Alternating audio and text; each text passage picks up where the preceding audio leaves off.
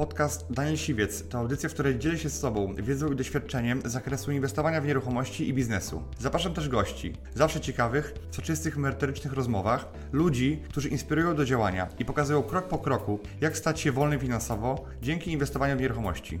Posłuchaj ich historii, zastosuj modele działania, wykorzystuj narzędzia i uzyskuj podobne rezultaty.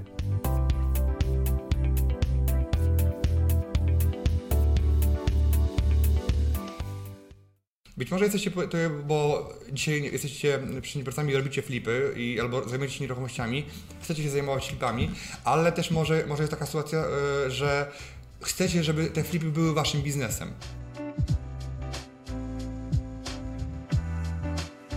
Gdzie ten biznes, chciałem powiedzieć, gdzie on może się udać, e, a, a gdzie nie? Pytanie, pytacie się często mnie, czy w dużym mieście może się udać taki biznes. Ja Wam powiem, ten model, czyli to sposób działania, który ja uznaję i który, który ja wyznaję, i mój, mój, przepis, on działa wszędzie. Nieważne, czy jesteście w dużym mieście wojewódzkim, czy jesteście w małym mieście, czy jesteście za granicą, ten model działa. Ja też dużo rzeczy podpatrzyłem od Amerykanów i wiele strategii i wiele e, podejścia biznesowego. Nie tylko czułem się tutaj w Polsce na rodzim gruncie, ale też wiele, wiele rzeczy wyciąg wyciągnąłem z zagranicy. I ten model działa zarówno wszędzie na świecie, jak i w Polsce, w Lublinie, czy w Warszawie, czy w małym mieście, e, z którego jesteście. Ja by na początku, jak zaczynałem e, robić flipy, to byłem sceptyczny do małych miast, ale e, z biegiem czasu moi absolwenci pokazali mi, że w małym mieście można czasami wykręcać lepsze zyski niż nawet w dużym, bo, bo też jest mniejsza konkurencja i też łatwiej czasami coś kupić. Dlatego wszędzie da się zarabiać pieniądze, nawet w mieście, które ma kilkadziesiąt tysięcy mieszkańców. Okej, okay. kto może inwestować?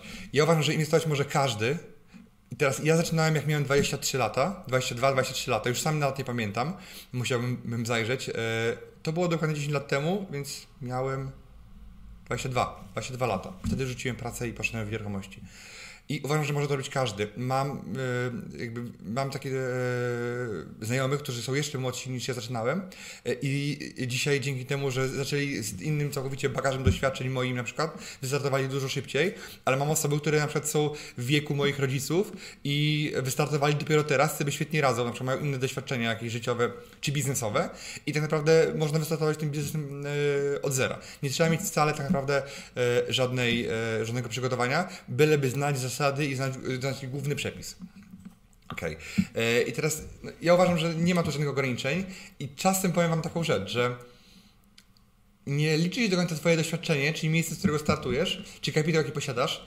Więcej warte jest to, jaką masz determinację, jaką masz samozaparcie, bo ja widziałem wiele osób, które miało doświadczenie czy biznesowe, czy handlowe, czy coś, co można powiedzieć, że dało solidną podstawę do tego, żeby robić ten biznes ale zabrakło determinacji i widziałem osoby też, które były totalnie żółtodziobami, które były totalnie zielone w temacie biznesu, sprzedaży czy nieruchomości, ale na tyle miały determinację, żeby zmienić coś w Twoim życiu, żeby przejść z punktu A do punktu B i to one właśnie y, swoją determinacją robiły dużo lepsze rezultaty niż osoba, która potencjalnie by się wydawała, że jest pewniakiem, że ona teraz weźmie wszystkie narzędzia, wdroży w rynek i pójdzie. No właśnie nie. Czasami jest tak, że yy, takim osobom czasami może się po prostu nie chcieć, które yy, za dużo wiedzą albo wydaje mi się, że wiedzą no, wszystko. Często na przykład osoby, no, które są na rynku nieruchomości dużo więcej ode mnie, czasem mówią, co ja, co, co ja tam wiem, co ja tam gadam, bo przecież ja jestem tylko 10 lat na rynku, nie są 20. Natomiast moje rezultaty są często du dużo lepsze w tym krótszym czasie niż ich 20-letnie. Dlatego, dlatego czasami się yy, naprawdę niewiele osób musi przekonać, żeby się ze mną bliżej zapoznać i zobaczyć, że no, moje sposoby są warte zaimplementowania. Ok, i dlaczego flipy się udają? Tak? Dlaczego w ogóle e, ten biznes jest e, bezpieczny i dlaczego on ma, on ma sens?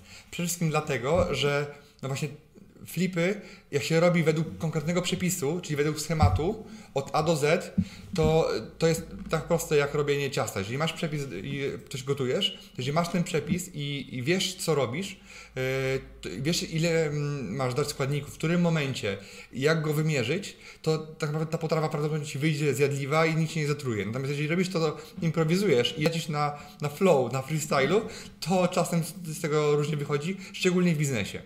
E, a znam też takie osoby, które e, teoretycznie wiedziały, jak coś robić, ale mimo tego robiły po swojemu i to nie wychodziło. Natomiast też znam osoby, które wzięły ode mnie mój przepis, ale też na, y, na, na potrzeby swojego charakteru czy swojego miasta trochę go zmodyfikowały i też, i też osiągały świetne rezultaty. I ja oparłem jakby swój cały biznes nieruchomościowy właśnie o system nowoczesnego inwestora, czyli o taki, o taki schemat, takie ramy, taki przepis, który opracowałem już dopiero jak już robiłem te flipy kilka ładnych lat, po to, żeby po prostu to usystematyzować, bo moi ludzie, którzy, którzy pracują ze mną, robią to właśnie na bazie systemu. Bo ja już dzisiaj sam, ja kupuję mieszkania, tak, za swoje pieniądze, na swoje konto, natomiast ja już sam nie robię tych wszystkich rzeczy, które, które są y, do zrobienia, tylko mam wiele y, osób, które, którym deleguję, bo ja znam cały ten proces od podszewki od A do Z, dlatego e, żeby robić to w dużej skali i hurtowo, to muszę po prostu mieć osoby, współpracowników, którzy, którzy robią to razem ze mną, tak? Czyli załatwiają pewne sprawy, e, jakby koordynują na przykład remonty i tak, żebym, żebym ja też miał czas na swój biznes, na, na to, żeby na przykład z Wami się spotkać, na to, żeby, no, żeby inwestować jeszcze w inne projekty, bo ja mam wiele firm, natomiast yy, jestem zwolennikiem automatyzacji. Nie wszystko się da zautomatyzować, niestety, Natomiast wiele rzeczy się da i to naprawdę popycha w zwiększaniu skali.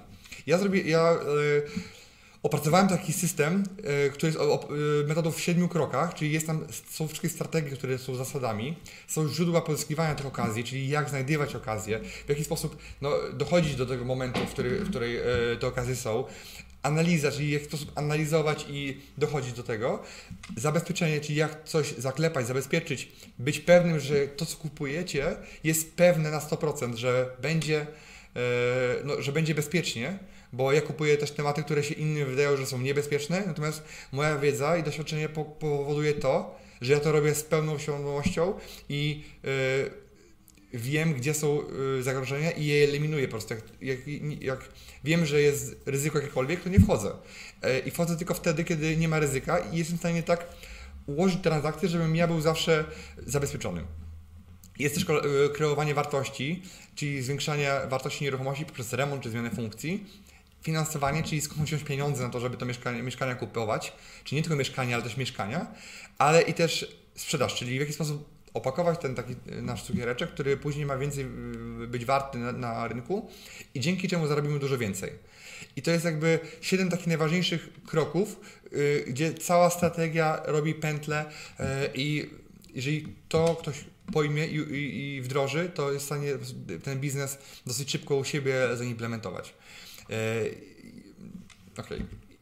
I teraz tak, jeżeli chodzi o, o strategię, to to jest zbiór zasad, które y, towarzyszą y, no, w tym biznesie, czyli to są takie ramy, w które trzeba wejść, czyli robić jeden do jednego. Jeżeli ktoś to robi jeden do jednego według moich zasad, to ja daję gwarancję na to, że to będzie działało. Tak? Jeżeli się tylko będzie stosowało, czyli jeżeli zrobi jeden do jednego identycznie jak ja, to uwierzcie mi, to będzie działało. Jeżeli będzie chciał robić po swojemu, czyli weźmie mój przepis, ale powie, ja mam lepszy i chcę robić, to ja tej gwarancji nie daję. Ok. E, I teraz, jeżeli chodzi o strategię, to w strategii ważne jest to, żeby e, wybrać odpowiednią formę działalności gospodarczej albo wybrać formę prowadzenia tego biznesu. Ja nie rekomenduję, żeby to robić prywatnie na siebie, bo to może się źle skończyć, e, ponieważ no, Urząd Skarbowy nie będzie tego długo tolerował, bo można oczywiście kupić i sprzedać mieszkanie, ale nie można tego robić w kółko i nie można tego robić w taki sposób, żeby no, było to dla nas bezpieczne i korzystne. Dlatego trzeba wybrać najlepszą możliwą formę prowadzenia tej działalności gospodarczej. E, I teraz co ja bym e, e, radził? Jest kilka opcji w tym przypadku, natomiast dużo zależy od tego, czy dzisiaj masz jakiś biznes, czy prowadzisz jakąś spółkę, czy prowadzisz jakiś, jakąś działalność, ile, czy chcesz robić jednego flipa na kwartał, czy trzy flipy miesięcznie, w jakiej skali, czy masz wspólników, czy robisz to sam, czy robisz to za własne pieniądze, czy pożyczone z banku, czy pożyczone od inwestorów. Od tego zależy, natomiast to, co, czego ja nie rekomenduję, i ja nie jestem zwolennikiem, to jest prowadzenie działalności gospodarczej w Polsce. Uważam, że to jest najbardziej ryzykowny, co można zrobić. Czyli prowadzenie działalności gospodarczej w Polsce jest, uważam, że no, mega, mega ryzykowne, ponieważ jeżeli nie mówię o flipach, bo to, to jest bezpieczny biznes, ale jeżeli prowadzicie jakąkolwiek działalność, to coś pójdzie nie tak. Wasz pracownik nawali, yy, czegoś nie dopilnuje, yy, księgowa czegoś nie zaksięguje, yy, coś się stanie, to naprawdę to odpowiadacie całym majątkiem, czasami zbieranym przez 5, 10, 15, 20 lat, zarabianym i tak naprawdę jesteście wystawieni na tacy urzędowi skarbowemu, ZUS-owi, aparatowi państwowemu, yy, cały majątek jest po prostu yy, no, do wzięcia przez kogoś, kto na przykład yy, popełnił jakiś błąd i nie, zanim jest, się obronicie w tej sytuacji, to tak na dobrą sprawę już, już możecie stracić wszystko. Znam wiele takich sytuacji z życia przedsiębiorców, gdzie tylko przez złą formę prowadzenia działalności to przedsiębiorca stracił mnóstwo pieniędzy, bo po prostu się nie zabezpieczył. Czyli robił firmę tak jak jak mu się wydawało, że będzie łatwo? Jak mu podpowiedział księgowy, który też prowadzi jednoosobową działalność? Więc ja wiem, że są tu przedsiębiorcy dzisiaj, którzy zarówno mają różne spółki, jak i też prowadzą działalności gospodarcze. I teraz ja nie będę się teraz yy, w, szczegóły wnosił, natomiast jest wiele mitów na, temat spółek, na temat tego, że bardziej się opłaca mieć działalność gospodarczą, że się płaci mniejsze podatki, że się...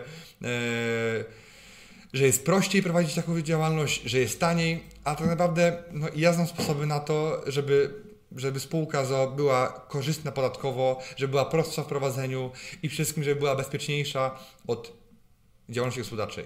Ja już w Polsce działalności gospodarczej nigdy nie założę, po pierwsze, po drugie prowadzę dwadzieścia kilka spółek, więc od wielu lat, więc wiem o czym mówię i to wcale nie jest trudniejsze. Dla mnie prowadzenie 20 paru spółek jest prostsze niż i bezpieczniejsze niż prowadzenie jednej działalności na siebie jednoosobowej. Więc uważam, zapomnijcie o tym, żeby robić flipy na siebie i zapomnijcie o tym, żeby robić flipy na działalności jednoosobowej. Są tańsze sposoby, żeby nie, nie płacić ZUS-u, płacić niższe podatki niż działalność gospodarcza, czy nawet robienie to na własny rachunek. Tak? Kolejna rzecz. Elementem strategii jest, jest to, żeby inwestować tylko i wyłącznie w szybko zbywalne mieszkania. Co znaczy szybko zbywalne mieszkanie?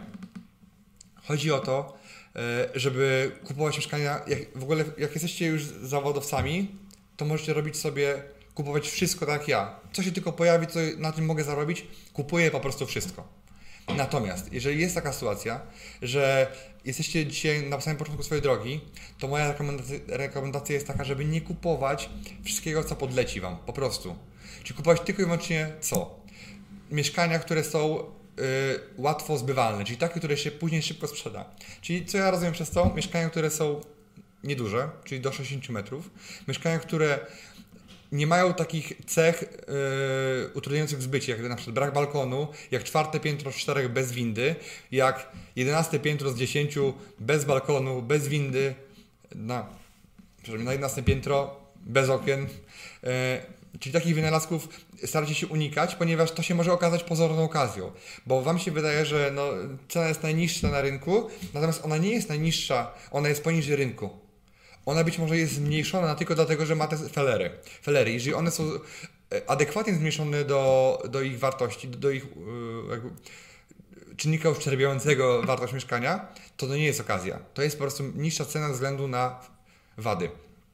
Dlatego trzeba to dobrze przeanalizować i zauważyć. Więc kupujcie mieszkania, które będą regularne. Druga sprawa, kupujcie mieszkania, które będą w blokach regularnych, czyli z tak zwanej takiej zabudowy prefabrykowanej, czyli z wielkiej płyty e, albo bloki od lat 50. do lat 90., które były budowane w sposób tradycyjny, ale też taki mm, no, prefabrykowany i systemowy, gdzie tak naprawdę e, tam nie ma co się zepsuć. Jest konstrukcja, która jest stara, stabilna, ale instalacje są często do wywalenia, natomiast to nie jest jak kamienicy, że macie strop do, do remontu, do wymiany, macie y, klatkę schodową do wymiany i tam jest dużo pułapek. Tak, ja mówię, że w kamienicy jest po prostu mnóstwo trupów w szafie, gdzie kupujecie mieszkanie, zajmujecie podłogę, zajmujecie jakiś tam karton gips y, czy coś i się okazuje, że y, dach jest do wymiany, albo są jakieś problemy, albo strop jest do, do, do wymiany, albo są jakieś problemy, których nie jesteście w stanie nawet na początku przewidzieć.